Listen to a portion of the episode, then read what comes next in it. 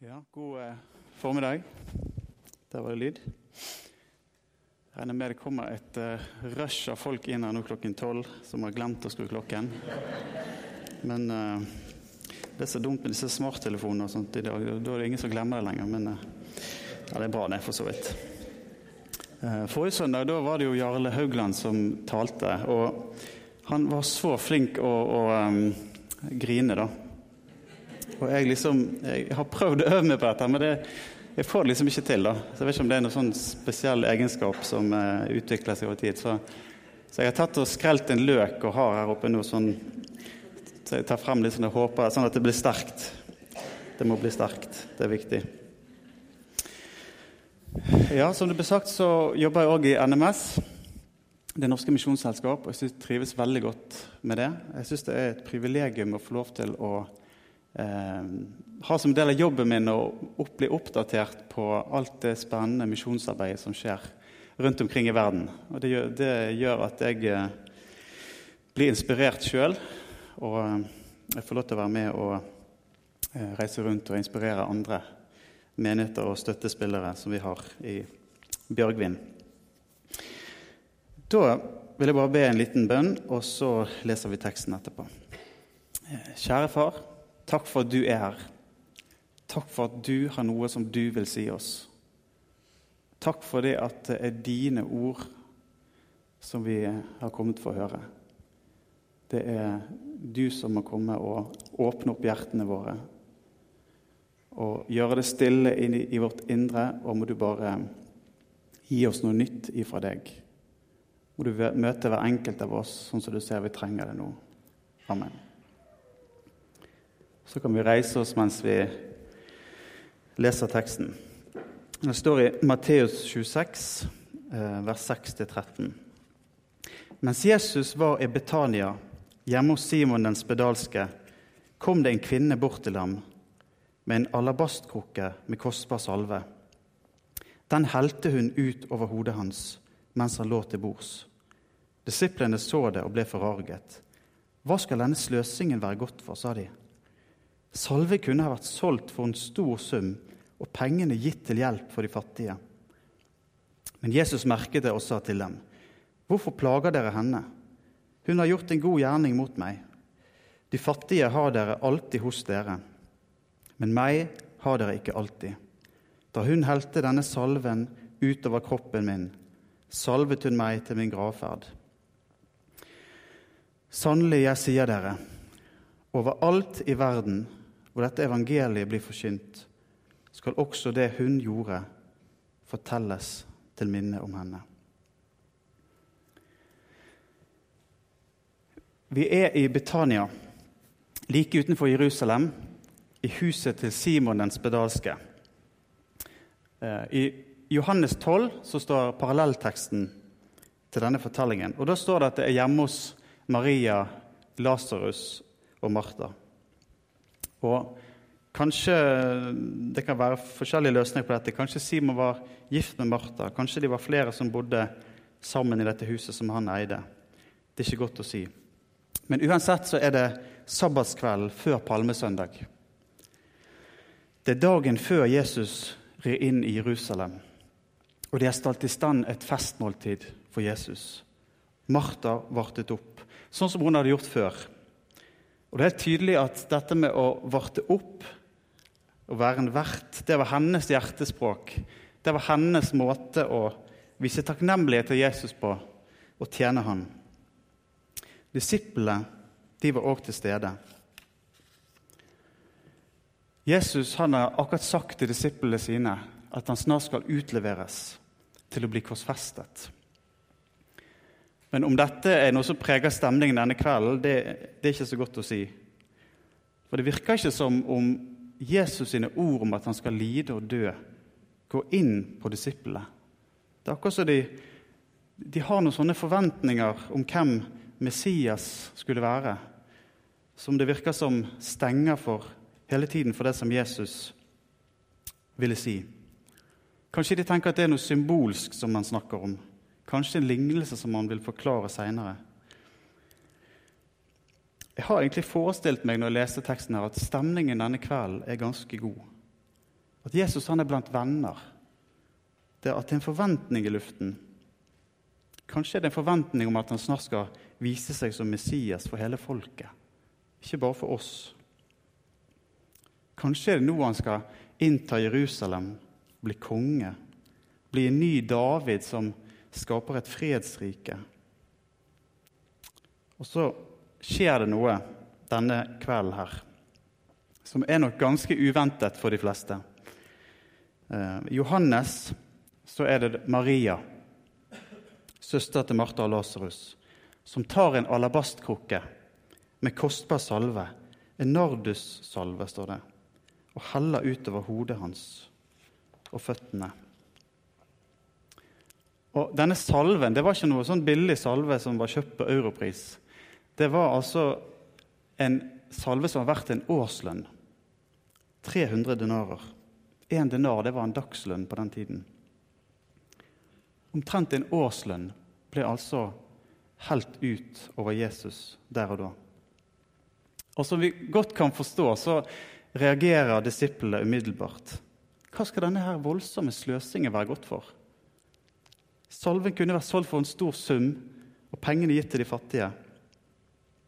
Og Det er et veldig godt poeng de kommer med her, faktisk. Ehm, det er helt i tråd med mye av det som Jesus også har undervist disiplene om før. Han har nettopp snakket om i en tale at alt det dere gjør mot en av disse minste, det har dere gjort mot meg. Men hos Johannes så ser vi at det er Judas som reagerer. Han har ikke den oppriktige omsorgen for de fattige som kanskje de andre hadde. Men han sa det han sa fordi han var en tyv han stjal fra pengekassen som han hadde ansvaret for. Så det var altså flere reaksjoner på denne handlingen til Maria. Noen var kanskje ut ifra gode motiver, andre var kanskje med mer råtne motiver bak. Men Jesus han forsvarer Maria og setter det som hun gjorde, opp som en god gjerning, og som skulle forkynnes om og fortelles om overalt i hele verden, der evangeliet om Jesus skulle forkynnes. Men hva var det egentlig Maria gjorde her? Hva betyr det? Og Det er tre ting som i hvert fall, Det er sikkert mange ting, men det var tre ting som jeg tenkte på spesielt. Og For det første så er det en tilbedelseshandling fra Marias side. Det er en tilbedelseshandling. Maria hun hadde en helt spesiell kjærlighet til Jesus, et nært hjerteforhold til han. I Lukas 10 så står det om en annen eh, tidligere historie, da Jesus var på besøk hos Maria og Martha. Der Maria setter seg ned ved Jesu føtter og lytter til hans ord. Maria hun har blitt overbevist om at Jesus er noe mer enn et vanlig menneske. Og at hans ord var mer verdt å lytte til enn alle andre ord og alt annet i verden. Maria hun satte seg sjøl i en posisjon der hun fikk ta imot av Jesu og dermed Guds kjærlighet. Og dette har gjort noe med Maria. Det som hun har fått møte hos Jesus, de ordene som hun har fått lytte til, det har hun fått tatt vare på i hjertet sitt. Og nå renner hjertet over av takknemlighet tilbake til Jesus. Takknemlighet over å kjenne han. Takknemlighet over å være en av hans nærmeste venner. Og så gjør hun det totalt ufornuftige og ganske voldsomme og heller ut en salve verdt en årslønn utover Jesus. Jeg kjenner sjøl eh, i møte med teksten at jeg kan bli ganske flau over hvordan jeg bruker pengene mine i møte med Maria. Jeg spurte meg sjøl kunne jeg gjort noe lignende. Jeg vet ikke. Nå er dette her en helt spesiell situasjon. og en engangshendelse. Men jeg tror vi kan gjøre lurt i å prøve våre egne liv på det som Maria gjør her. Er vi preget av en takknemlighet til Jesus som gjør at vi gir tilbake til Han av det vi har fått? Eller er det hele tiden meg og mitt først? At vi kan gi litt av det som er til overs? tilbake til Han. Og hvis vi kjenner på det siste, som jeg ofte gjør, så trenger vi å omvende oss fra det. Komme til Jesus med det. Bekjenne det som den synden som det er. Ikke pynte på det eller bortforklare det, men å gi synden til Jesus. Og når vi gjør det, har gjort det, så er det kanskje mer den holdningen, hjerteforholdet til Maria, som vi kan få lære av, enn akkurat den handlingen som gjorde med salven. Lære av det livet som hun levde i nærhet til Jesus. For det var det som resulterte i den handlingen som hun gjorde. Den handlingen som hun gjorde, det var en frukt av eh, noe annet. Det var en frukt av det hjertet som var fylt opp av Guds ord, av Guds kjærlighet. Og Det er der vi må vende tilbake når vi kjenner på pengegriskhet, når vi kjenner på egoisme i våre liv. Så skal ikke vi streve for å prøve å bli gavmild som Maria i egen kraft, men vi skal vende tilbake til Jesu føtter, der vi setter oss ned og lytter til Han, Hans ord, lar oss forvandle av Han, ta imot av Hans ufortjente kjærlighet som når oss ned på dypet, når vi har falt og sviktet, når vi ikke har noe sjøl å vise til. Det Maria gjorde, var en tilbedelseshandling. Og tilbedelse det er ikke våre gjerninger for å blidgjøre Gud. Men tilbedelse er gode frukter av liv som har møtt Hans nåde gang på gang når vi minst fortjener det. Men denne salvingen det var ikke bare en personlig tilbedelseshandling fra Marias side. For jeg tror eh, at det kan se ut som at hun, om hun visste det eller ikke, at hun salvet Jesus til hans gjerning som Messias.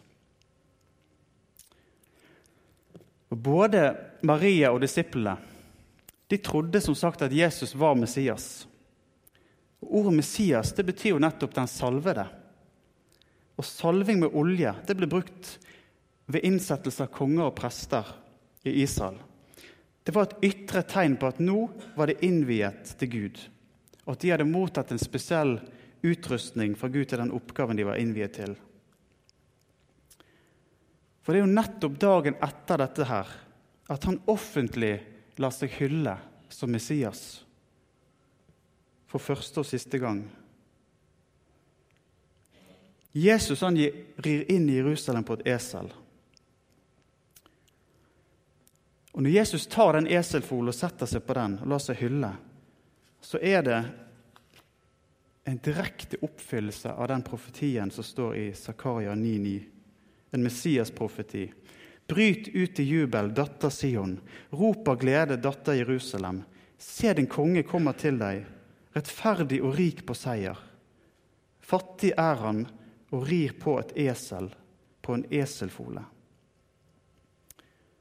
Og jeg tror det at folkemengden som var her på denne dagen på palmesøndag, de skjønte hva Jesus her sa. Jeg er Messias. Men han sier det når han er på vei inn til Jerusalem for å lide og dø. Og jeg tror ikke det er tilfeldig. For han har i sin tjeneste til nå hele tiden prøvd å tone ned alle antydninger om at han skulle være Messias. Og kanskje nettopp pga. de forventningene som lå i folket om at Messias skulle være en konge.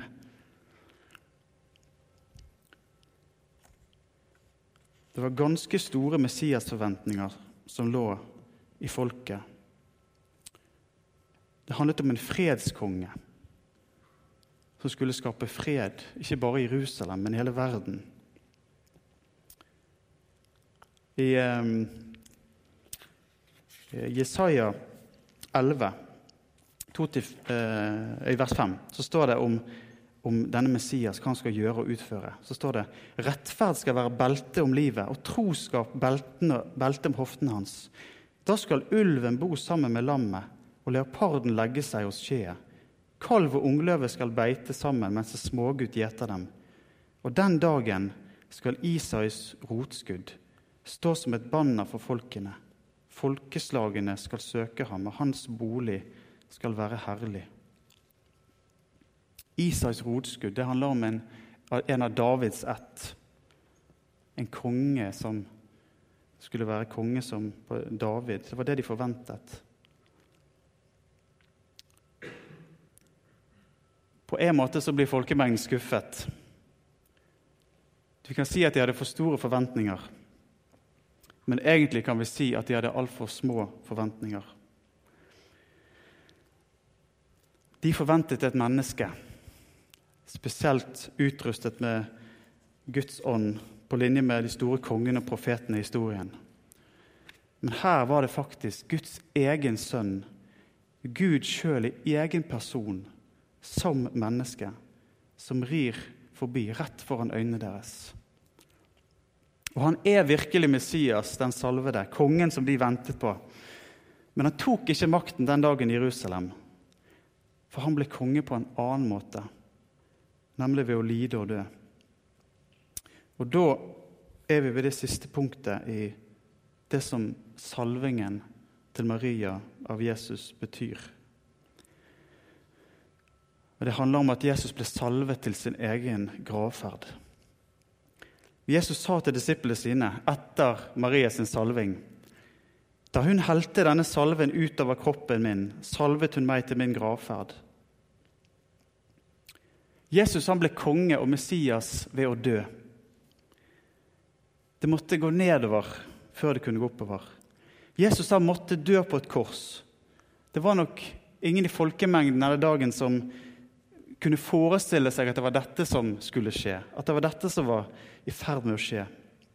Jesus han sa det på denne måten.: Hvis ikke hvetekornet faller av jorden og dør, blir det bare det ene kornet. Men hvis det dør, bærer det rik frukt. Og Det var på den måten han skulle være Messias. Ikke bare for Israel, men gjennom sin døde oppstandelse bli Messias, bli konge over hele verden.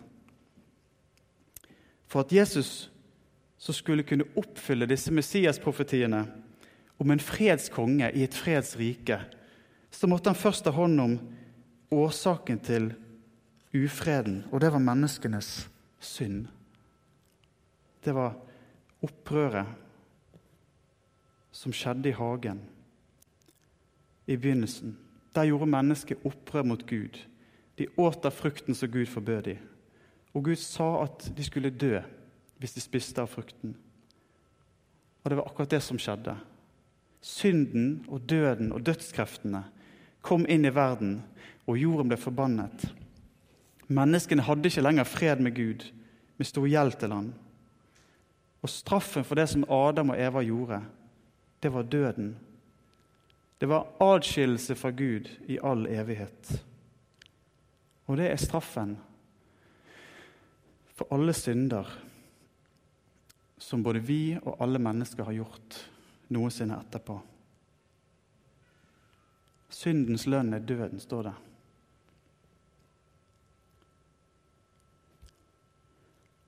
Menneskene hadde ikke lenger fred med Gud. Det, og det fikk konsekvenser for alle mennesker etterpå. Men det som skjer i palmesøndag i Jerusalem, er at det er et annet menneske som òg er Guds sønn, som rir inn for å gjøre noe som skal få enda større konsekvenser enn det som Adam og Eva gjorde. Han rir inn for å ta straffen for alle synder, fra Adam og Eva og til oss, og helt til det siste mennesket på jorden. Alt dette her tar Jesus på seg. Alt ansvaret for alle menneskers synd og skyld til alle tider tar Jesus på seg. Han bærer det. Han ble gjort til synd, står det. Og der på korset så straffer Gud Fader sin egen sønn Jesus for alt dette. Han straffer Jesus for dine og mine synder. Og når Jesus roper ut 'Min Gud, min Gud, hvorfor har du forlatt meg?' Så er det ropet fra en som er under Guds frede, Guds straff. han smakte den ultimate straffen. Guds forlatthet. Det å kjenne at Guds kjærlighet, hans godhet, er trukket tilbake. Og det eneste som er igjen, det er Guds frede, hans straff over all synd til alle tider. Jesus han smaker fortapelsen på korset. For at vi skulle få slippe.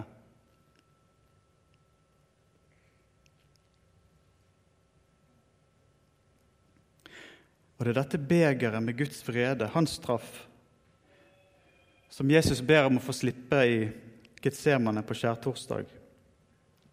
Men heldigvis så tar han begeret. Han tømmer begeret til det ikke er mer igjen. Han tømmer det som vi egentlig skulle ha tømt sjøl. Han gjør det istedenfor oss. Og når han roper ut 'det er fullbrakt' på korset, så har Jesus gjort alt for oss han har gjort det mulig for oss å komme tilbake til Gud. Og det forholdet som gikk i stykker i hagen, det gjenoppretter Jesus med sin døde oppstandelse. Det er det som vi kaller for det salige byttet. Jesus han blir gjort til alt det som vi er, for at vi skal få bli det som han er. Rettferdig, ren, hellig.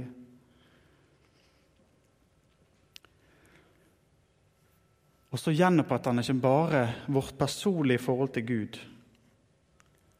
Han tar hele Han vant en seier over hele, alle syndefallets konsekvenser og for hele skaperverket. Og Det er det som gjør at han en dag skal nyskape jorden og nettopp opprette det fredsriket på jorden og bli den Messiaskongen som jødene ventet på, og som de fremdeles venter på. fordi profetiene skal oppfylles. På slutten av teksten så sier Jesus til disiplene.: Sannelig, sier dere, overalt i verden hvor dette evangeliet blir forkynt, skal også det hun gjorde, fortelles til minne om henne. Jesus sier her at eh, vi skal ikke bare vente på at han en dag skal komme tilbake. Men det budskapet om Jesus, det han har gjort og skal gjøre, det skal forkynnes overalt i verden. Det skal forkynnes til alle folkeslag, alle generasjoner, alle verdensdeler, alle samfunnslag og kulturer. Alle skulle få en mulighet til å høre de gode nyhetene om det som Jesus nå var i ferd med å gjøre i påsken. Og Det peker frem mot det misjonsoppdraget som Jesus skal gi disiplene sine etter at han har stått opp igjen. For det som skjedde i påsken, når han døde og sto opp, det var det at han fikk all makt i himmelen og på jorden. Han ble virkelig konge. Ikke bare som en ny Davidskikkelse i Jerusalem, men han ble konge over hele menneskeheten og hele kosmos. Og Derfor skulle de gå ut i hele verden og gjøre alle folkeslag til disipler, etterfølgere av han. Og Han skulle være med de alle dager, og oss alle dager inntil verdens ende. Maries salving av Jesus det har sikkert mange flere sider ved seg. Men for det første så var det en tilbedelseshandling fra hennes side overfor Jesus. Det var et takknemlig hjerte som benyttet seg av siste sjanse til å vise sin store takknemlighet. Og så var det en salving av Jesus til hans messiasgjerning som konge. En konge som ble konge ved å gå nedover, ved å lide og dø for vår skyld, før han sto opp igjen som seierherre etter tre dager. Jeg har lyst til å utfordre deg og oss alle til slutt. Om du skulle hørt dette her tusen ganger, så er det hele tiden det kommer tilbake til dette. Har du fått se, og virkelig fått se, at det var for deg Jesus gjorde dette? at du egentlig fortjente å gå fortapt. Men at Jesus har gjort opp for nettopp deg, for nettopp dine synder, for nettopp det som du kanskje sliter med å tro at han kan tilgi. For da vil du, sånn som Maria, bli fylt av takknemlighet og tilbedelse. Og kanskje det største og viktigste du kan få gjøre da, når du kjenner på dette, det er å gi videre det som du har fått. Gi videre det som du har fått se, til andre. Den gaven som vi har fått del i, det òg gir oss del i en oppgave. Og det er å gjøre disipler av andre. Både her i Bergen og helt til jordens ender. Amen.